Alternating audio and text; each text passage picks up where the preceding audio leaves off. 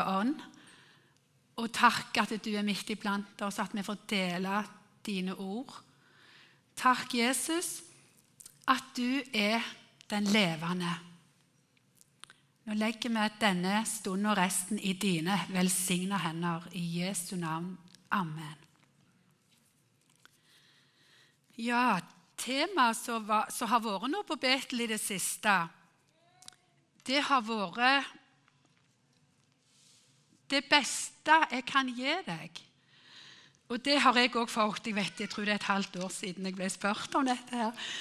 Så det beste jeg kan gi deg, eller mitt livs budskap Og da tenkte jeg med en gang sånn som òg Svanhild tenkte når hun sto her for et par-tre uker siden, at det beste jeg kan gi deg, er Jesus. Hans kjærlighet og hans fred.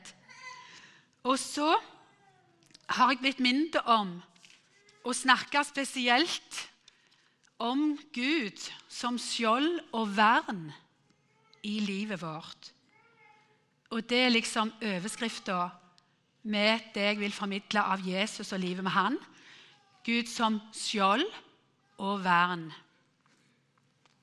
Og i den forbindelse, Da kommer vi jo ikke utenom å snakke om Jesu kjærlighet og nåde og fred så kommer jeg til å være ganske personlig. Fortelle fra mitt eget liv. Først noen vers fra Bibelen. Det er mange vers, spesielt i Salmenes bok. Jeg er veldig glad i Salmenes bok. Det er mange vers der som det står om Gud som vårt skjold og vern. Og, og vårt, vår festning og vårt berg. I Salme 5, vers 13, så står det For du, Herre, velsigner den rettferdige. Du dekker han med nåde som skjold. Og så tenkte jeg på skjold. Hva er egentlig et skjold? Jo, det er noe som skal beskytte oss. Det skal beskytte mot piler, sverd og spyd fra fienden. Det har det alltid vært helt fra eldgamle tider. Og Jeg slo opp i Wikipedia, for det tenkte jeg kan se hva de skriver. Og Der leste jeg at skjoldet i gamle tider hadde også en viktig symbolsk betydning i krigen. Utenom det å gi forsvar, så var det den personen som ikke vendte hjem med sitt skjold i behold, ble betrakta som en desertør i krigen. Og hvem er vår fiende i dag, da? Hva slags fiende er det vi har? Jo, det er djevelen. Han kommer med sine listige angrep. Alt mulig motgang vi kan oppleve i livet, kan kjennes som sånne piler som blir skutt mot oss. Da er det viktig Da er det bare helt, aldeles viktig å ta og ikle oss Guds fulle rustning. Vi kommer bare ikke utenom det. Og det leser vi om i Efeserane kapittel 6. Nå har jeg alt her. Det er ingenting som kommer til tekst på skjermene. Beklager, men det var jeg så glad jeg slapp å tenke på. Så dere må høre jeg leser fra min nynorske bibel. Og det er kapittel 6 i Efeserne fra vers 10 som Paulus skriver. Til sist bli sterke i Herren, i Hans veldige kraft. Ta på dere hele Guds rustning, så det kan stå fast mot djevelens listige åtak. For vår strid er ikke mot kjøtt og blod, men mot makter og herredømme, mot verdens herskere i dette mørket, mot vondskapens ånde her i himmelrommet. Ta derfor hele Guds rustning på, så det kan gjøre motstand på den vonde dagen og vinne over alt og bli stående.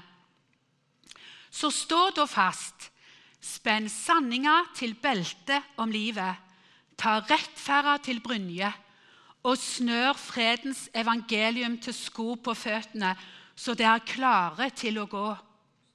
Løft trua høyt til skjold i alt som hender. Med det kan det sløkke alle brennende piler fra den vonde. Ta frelsa til hjelm og grip andens sverd, som er Guds ord. Gjør dette i bønn, og legg alt fram for Gud. Be alltid i anden. Vak og hold ut i bønn for alle de hellige. Dette er å kle på seg altså Guds fulle rustning. Og disse versene de har jeg et spesielt godt minne med. Og det skriver seg tilbake fra to som ikke er blant oss lenger. Det er Anna og Dagfinn Johansen. Så alltid, De var jo i husgruppa som jeg leda med de eldste av alder her i menigheten. Og de fortalte i husgruppa at de hver morgen til frokost sa, proklamerte disse versene jeg nå har lest, høyt for hverandre og kledde på seg Guds fulle rustning. Så var de klar til å gå ut og møte det de skulle møte den dagen, og hadde kledd på seg rustningen, klar til strid. Det syns jeg er altså For de står for meg som et sånn stort eksempel på livet med Jesus i hverdagen, altså. Det er fantastisk. Og jeg er så glad for at jeg lærte å kjenne dem, og det de fikk bety for så mange. Og i Salme 62, vers 3, så står det Bare Han er mitt berg og min frelse og mitt vern. Jeg skal ikke vakle. Og Salme 61, 4 og 5. For du har vært min tilflukt, et tårn til vern mot fienden. La meg alltid få bo i ditt telt, søke tilflukt i ly av dine venger. Og så står det òg i ordspråket 1810.: Herrens navn er et festningstårn Dit spring den rettferdige og finn vern. Også det med tilflukt det står det òg mye om. og Akkurat Salme 62 som jeg var i første her nå, i vers 9 i den samme salmen står det Lit alltid på Han, det folk. Aus ut dykker hjarta for Han. Gud er vår tilflukt. Tenk det noe så fantastisk stort at vi skal altså få komme fram for Han og bare ause ut av oss alt som ligger på hjertet vårt. Ikke bare noe vi kom på i går, liksom. Ja, det må jeg ause ut i dag. Nei, hele veien til vi kommer på Vi skal få ause det ut til Jesus. Og han har vært der før. Han forstår alt. Han formår alt og forstår alt. Og denne tilflukta hos han som også sang i disse fine sangene i begynnelsen, som gikk mye på Jesu nærhet At vi får komme inn i Jesu nærhet og den, ha, kjenne den tilflukta det er hos han under hans vinger. Dette er et løfte. Det er en plass vi kan være trygge midt i den åndelige krigen vi står i. Og så Hvordan kan vi liksom få gjøre nytte av dette skjoldet, denne rustningen? Det er altså bare ved å søke inn i Jesu nærhet. Søke Han i alle ting. Hvile i løftene Han har gitt. Han har lovt å være med oss hver eneste dag til verdens ende, som det står i Matteus 28, 20. Hver dag til verdens ende. Og Da bare gjelder det å få stole på han. Stol på meg, sier Jesus gang på gang. Stol på det han har sagt. Han er ordet. Han har gitt oss ordet. Han er ordet. Han er den levende kjella. Ei kjelle som vi øser av, som aldri går tomme.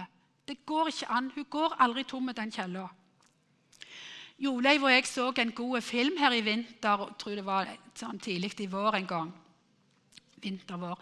Og det var om israelsfolkets vandring ut av Egypt. Og Det ble så sterkt for meg i den filmen når de skulle krysse Rødehavet, og de tenkte nei, dette går jo aldri å komme over der. Jo, nå, dette er jo en hindring. Ja, Moses sa at Gud vil finne en vei. Han vil sørge for oss. Ha tru til Gud. Ha tru til Gud. Så gikk de på det. Så begynte de å gå nedover, nedover. Vannet delte seg sto som en svær vegg på hver side. Og så har jeg aldri tenkt så mye over det der at de måtte jo gå nedover, for det var jo på havets bunn de gikk. Så har jeg aldri tenkt sånn på at det var jo gysela mørkt der. Og det hadde de filmatisert veldig bra i den filmen. Og det var så mørkt. De hadde lykter som de bar med flamme på når de kom ned. Gikk ned og ned og ned. Og ned. Og så, etter ei lang stund, så bar det opp, opp, opp, opp så kom de opp på den andre sida. Så kom de gradvis opp i lyset. De kom over på den andre sida. Vi òg er på vandring her. Vi er virkelig på ei vandring.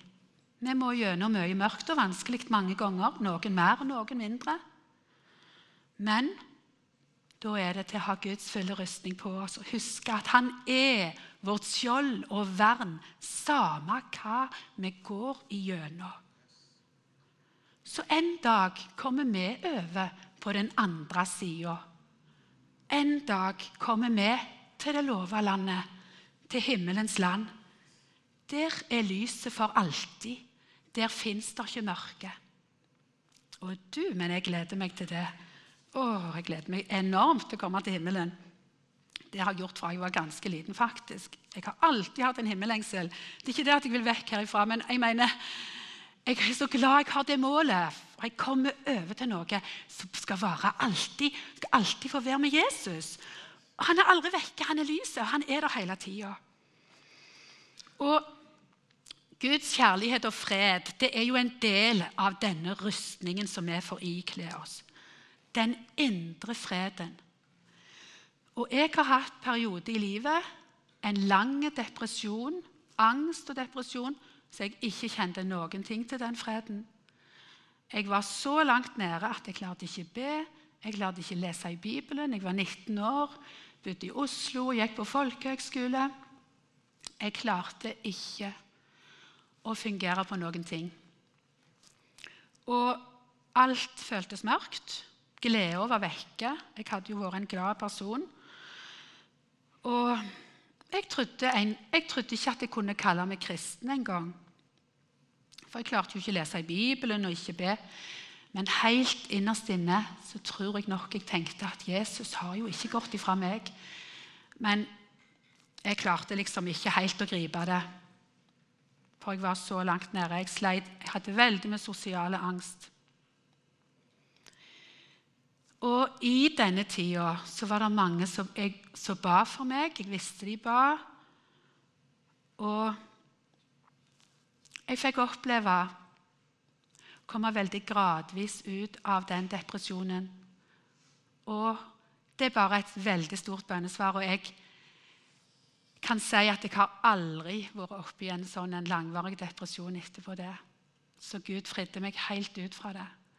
Fra angst og depresjon. Og det var Jesus jeg fikk se på når da våren kom og jeg kom hjem fra folkehøgskolen. Så kjente jeg at jeg var kommet tilbake til meg sjøl. At eh, jeg var der jeg skulle være. og Jesus var min herre, og jeg fikk lede meg igjen til himmelen. Det var stort. Det er nok det største bønnesvaret jeg har hatt i mitt liv. For det var ei enormt tunge tid. Og jeg vil bare si at Hvis du er her og kjenner på et veldig mørke, et veldig knugende sånn mørke, og du klarer bare ikke glede deg over noen ting, så skal du vite det er alltid en utgang av alle tunneler. Selv om du ikke ser det nå, så skal du vite det er det. Det er en kjensgjerning. Der er det. Det er ikke en tunnel som bare blir tunnel og tunnel hele veien. Der er en utgang. Og i Matteus 7, vers 7, der står det dette som jeg har fått klynge meg til i tunge og lette stunder og alltid, det er be, så skal dere få. Leid, så skal dere finne. Bank på, så skal det bli lukket opp for dere. Det er noe jeg har fått holde fast på. Og andre tunge stunder så vet jeg jeg fikk det som en hilsing. Det, det var veldig bra. En sånn bekreftelse fra Gud at jeg skulle bare fortsette å be. Og nå har vi nylig feiret pinse. Og når Jesus sendte Den hellige ånd. Og før dette, Jeg vil fortelle litt om åndsdåp og hvordan jeg opplevde det. Um, og det, kan, det er så mange forskjellige måter å oppleve det på.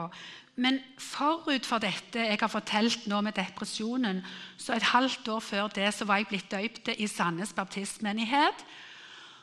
Og eh, var Sten Sørensen, som var pastor der da, og døypte meg. Og eh, da vi hadde jeg en venninne som var ett år yngre enn meg. og hun, Jeg snakket med henne en del om dette her med, med åndsdåp.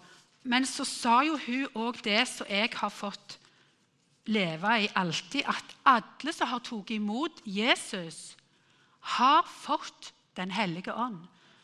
Har du sagt ja til Jesus, så har du Den hellige ånd planta i ditt indre. Det står der i Bibelen. Så er det forskjellige nådegaver. Og så kjente jeg den tida at jeg hadde, jeg hadde veldig sånn trang til å oppleve noe mer enn det å bare be ei bønn med mine ord. Og så hadde jeg jo hørt det med litt tungetale. hadde jeg hørt litt av dette. For Mor mi var baptist fra Ålgård. Og, og, jeg hadde vært med litt på noen stevner. Jeg har jo fortalt før at jeg er oppvokst her på bedehuset i, i bygda. Og har gått i lutherske tradisjon til jeg var 18 år og ble døpt. da. Men jeg visste hele veien at jeg kom til å bli baptist. Og så skrev jeg meg over her når denne menigheten ble stifta. Men da, da var det sånn at jeg snakket med hun venninna om dette med bønnespråket.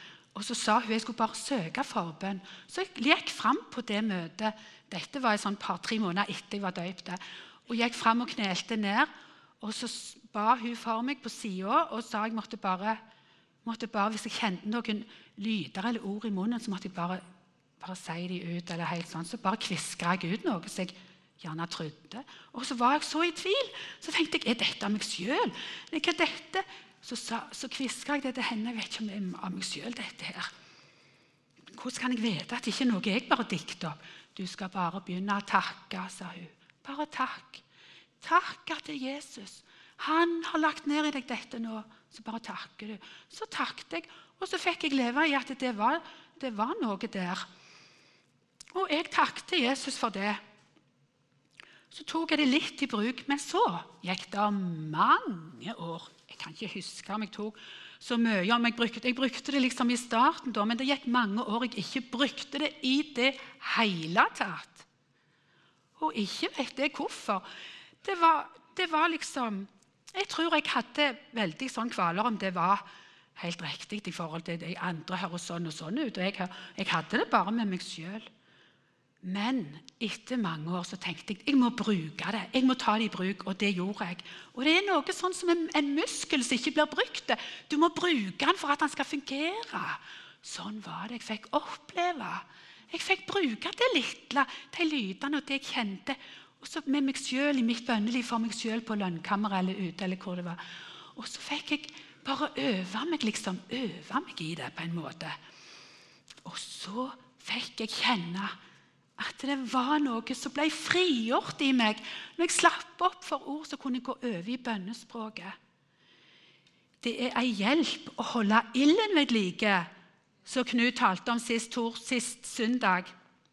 Torsdag, Det må være at jeg har torsdag sånn i hodet, for da blir jeg pensjonist. det være derfor det kom torsdag. Sist søndag. Denne ilden, altså. Holde ved like et bål som må ha ved og oksygen for å brenne. Vi må stikke kontakten, laderen i kontakten. Få kontakt med Den hellige ånd som bor i oss. Så bare søk det om du kjenner denne lengselen. Bare søk det. Han er der, og han vil gi til de som vil ha, men han gir ikke til de som ikke vil ha, så du kan ta det helt med ro. Og så er det så stort at Den hellige ånd i oss, han ber jo for far. Innenfor far i himmelen, står det jo. I Romerne 8, 26. Det står det der. At han ber innenfor far i himmelen når vi bare kommer med alt til han. Da vet vi at vi ber etter Guds vilje. En enorme styrke og ny dimensjon i bønnelivet fikk jeg oppleve. Veldige styrke i bønnelivet når jeg kjente at det begynte å bli slapt. Nei, nå må jeg bare ta oksygen og ved til bålet her. Og så har jeg opplevd flere prøvelser i livet mitt. Og jeg kjenner en sånn veldig takknemlighet for det som Jesus har ført meg igjennom. Og jeg opplevde noe på 90-tallet. Det var at jeg fikk store problemer med stemmen min. Det vet mange av dere fra, som har vært her fra menigheten ble stifta.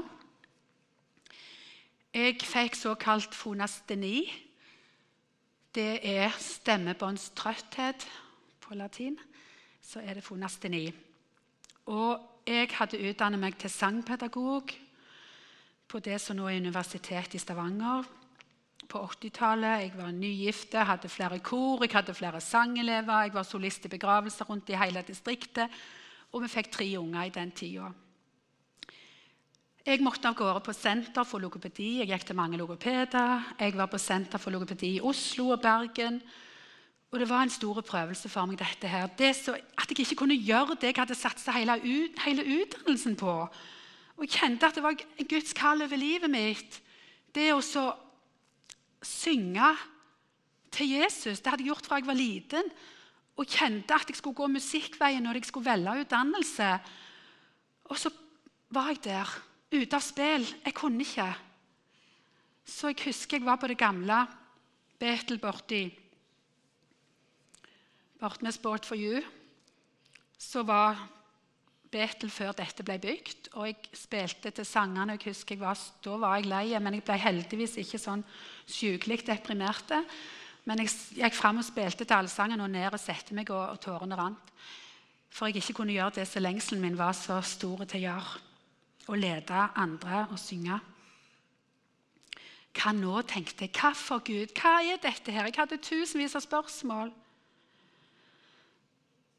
Jeg søkte forbønn mange ganger for dette. Og etter fire år da på 90-tallet så fikk jeg oppleve at jeg kunne synge igjen. Jeg kjente enorme takknemlighet til Gud. Og Jeg husker jeg vitna om det på et møte jeg sang da på etterpå. Og Jeg var litt rundt og sang da, selv om det ikke var så mye som før. Men heldigvis så fikk jeg oppleve Jeg var god i sju år. Og så kom det dessverre tilbake på tidlig på 2000-tallet. Men da tenkte jeg nå må jeg bare stole på Gud. Han er ikke en som forandrer seg, han er den samme. Og han har kontrollen på alt. Så jeg tenkte kan, Jeg kan iallfall synge litt. Jeg må bare synge det jeg kan. Men det var vanskelig da òg. Men jeg hadde en annen dimensjon da. Og det var i den tida at jeg begynte å gå opp i marka hjemme på Morsåk, sier jeg. Jeg er vant til å si dette andre plasser. Hjemme her i bygda på Frøyland. Og skri, Da begynte jeg å skrive dikt. Og noen av de diktene som kom til under den prøvelsen, har jeg samla i boka 'Medvandrer', som ligger der ute hvis noen vil kjøpe etterpå. 'Medvandrer' det fikk jeg oppleve at i den tida så var han min medvandrer. Han var der han var med min side, så tenkte jeg liksom, kanskje Gud tar meg til sides litt for at jeg gjerne skal skrive. Jeg hadde aldri skrevet et dikt i mitt liv. Jeg hadde knapt nok lest noen dikt, bare de vi var nødt til på skolen. Og jeg hadde iallfall ikke skrevet enn jeg skrev en bryllupssang til Joleiv, min kjære mann, når vi gifta oss, og den fikk jeg til og med hjelp av mor mi til å skrive. Så mer enn det hadde ikke jeg skrevet. Så når jeg gikk og var i bønn oppe i marka her, på andre sida av Frøylandsvatnet, oppe i fjellsida der, Så fant jeg en plass som var liksom min, så jeg var der med Jesus og snakket med han. Og Da kom det noen ord. Så passet jeg på å alltid ha lapper oppi lommen med en liten blyantstubbe. Og så satte jeg meg der i all slags vær, samme om det er høljregn eller ikke. Jeg bare sette meg ned og skrev det som kom. Og så fikk jeg skrive ned det han ga.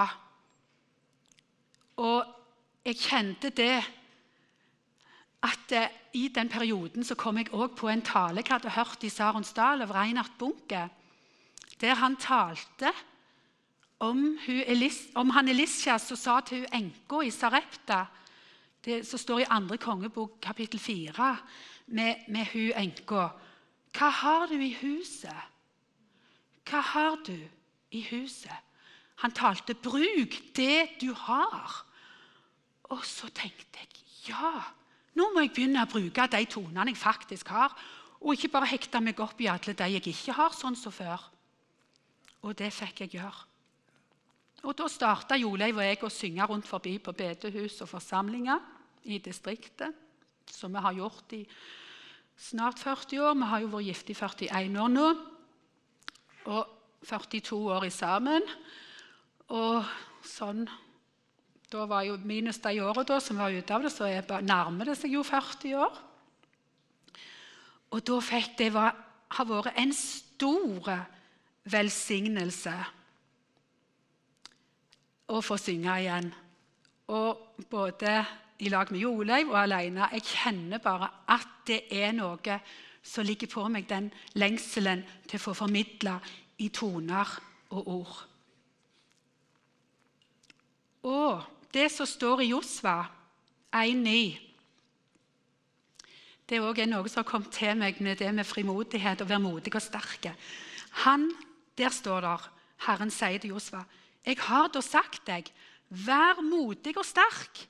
La deg ikke skremme, og mist ikke motet, for Herren din Gud er med deg overalt der du går.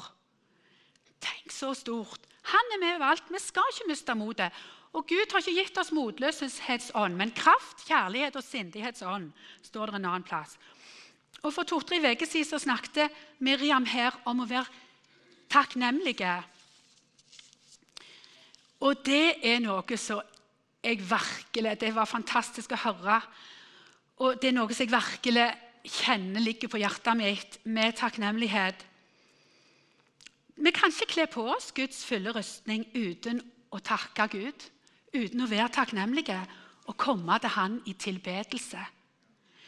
Takk og tilbedelse det er det vi må få komme. Vi skal få komme inn for Han for Hans trone med takk og tilbedelse. Og så auser vi ut vårt hjerte for Han. Det er stort. Tilbedelse er en del av denne rustningen og dette festningsverket. Så den vonde ikke får komme gjennom. Er vi et folk som tilber Gud og takker Han gjennom alle ting, så når ikke den vonde sine piler. Da kan vi be det vekk i Jesu navn. Det er jeg helt sikker på, og det har jeg opplevd sjøl så mange ganger takk og tilbedelse. Og så er det noe jeg pleier å si til elevene mine på skolen. Så jeg nå slutter å ha Jeg kommer til å savne de kjempemye, kjenner jeg. Men iallfall, det er to ord jeg har sagt til dem, flere av klassene jeg har hatt. Om dere ikke husker noe annet Margunn har lært dere, så sier jeg det. Dere må huske to ord som begynner på bokstaven T. To ord. Det klarer dere å huske om dere glemmer alt jeg har sagt nå. Og så begynner jeg å gjette, så begynner jeg å spørre kan dere gjette hva det er. Og sånn. Og så til slutt, når mange har gjetta, så har det vært noen som har kommet fram til ja, takk. Ja, det er det ene, sa jeg. Helt riktig. Det er takk. Og hva tror dere? Det andre er ikke sånn at vi går og snakker om hver dag, eller snakker høyt, sier liksom i vårt språk, sier tungene. Iallfall de som vokser opp nå. Og det var ikke sånn dagligdags heller, akkurat det ordet, når jeg vokste opp. Men det har med når dere skal ordne opp, når det har gått litt på tverke, sier jeg da til dem. Når dere har vært i en konflikt og det har vært bang, bang, bang og litt slåssing og mirakels, hva er det da dere må si? Ja, men det begynner ikke på T. Ja, det er unnskyld. Sier da. Ja, riktig, men det er unnskyld. Men vet du hva du gjør da, når du sier unnskyld? Da ber du den andre om tilgivelse. Det andre ordet er 'tilgi'. Det er det viktige. Og så har dere unger, sier jeg til dem da, så har dere kjent hvor godt det er. Når dere har sagt unnskyld til hverandre, hvordan kjenner du deg inni da? Blir du lei? Blir du enda leiere da? Eller blir du glad? Jo, så er de jo enige. Da blir jeg glad, sier de jo. Da forstår de jo det. Da blir vi glade alle. Sånn er det med oss voksne òg, sier jeg til dem. Vi må be hverandre om tilgivelse. Og Da har jeg fortalt mange ganger at jeg har måttet bedt ungene mine om tilgivelse når gjerne Joleiv og meg ikke hadde vært så finslige, og gjerne vært litt grove og, og snakket litt høyt og skjent og litt på galne plasser, kan du si. Så måtte vi bare ta dem og si nå var vi ikke rett, det var ikke riktig sånn som vi var overfor dere nå. Nå ber vi om tilgivelse. Nå, og så ser de at vi blir glad i hverandre igjen og gjør det godt. Det tror jeg er kjempeviktig i familiene. Jeg sier det bare så sterkt jeg kan. Det er ikke noe tror jeg, som er viktigere for en unge som vokser opp i dag, å få se mor og faren gjøre det godt igjen hvis det har vært noe ugreie. Det setter spor i et sinn til et, ei jente eller gutt som vokser opp i dag. Og Da er det viktig å snakke om det i familien, det med å være takknemlige og tilgi. Dette er noe som jeg har fått oppleve, og nå har jeg fortalt om prøvelsene mine og hvordan de har kommet. Og jeg vil avslutte med å synge sang til dere som jeg har lagd både teksten og melodien til. Og det er tittelsangen, eh, titteldiktet, får jeg si, til boka 'Medvandrer'. Det er den, det diktet som jeg har kalt 'Medvandrer', som er faktisk det eneste diktet jeg har sett melodi til foreløpig. Kanskje det blir tid til mer når jeg blir pensjonist. Vi får se. Da kommer det bilde på skjermen av framsidebildet som dere også så når dere kom inn. Boka lå der. Og jeg bare sier det når det gjelder takknemlighet, at jeg er veldig glad for det bildet som er framsida, som dere nå snart får opp. Det er min kjære svigersønn Anders og mitt kjære barnebarn Samuel som er på det bildet. Og Det skal være et bilde på Jesus som tar, holder oss i hånda. Han er med oss hver eneste dag. Og Jeg er ekstra takknemlig for Samuel var jo, som dere vet, alvorlig syk da han var tre og et halvt år. Og Det er han sju år på det bildet.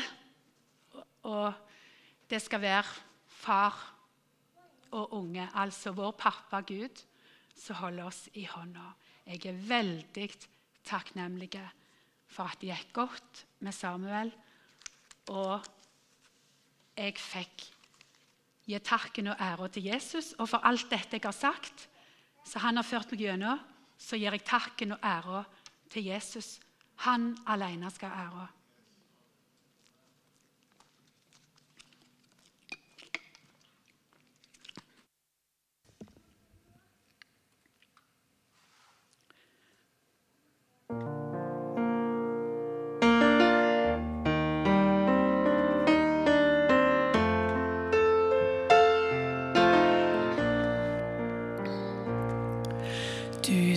Døde for meg på en kross, Herre kjær. Din kjærleik til meg så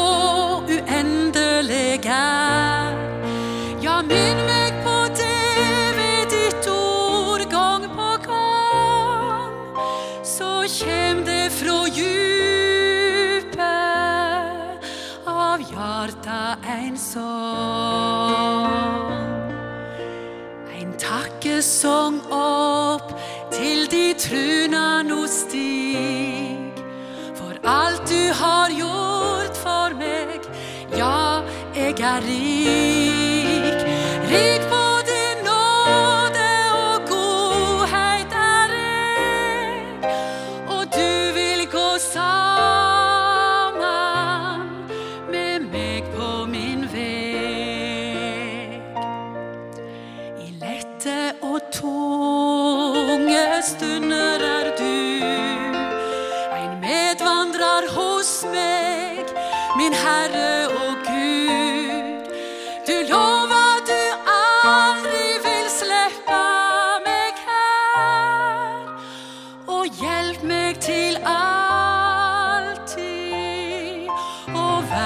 jag tecknar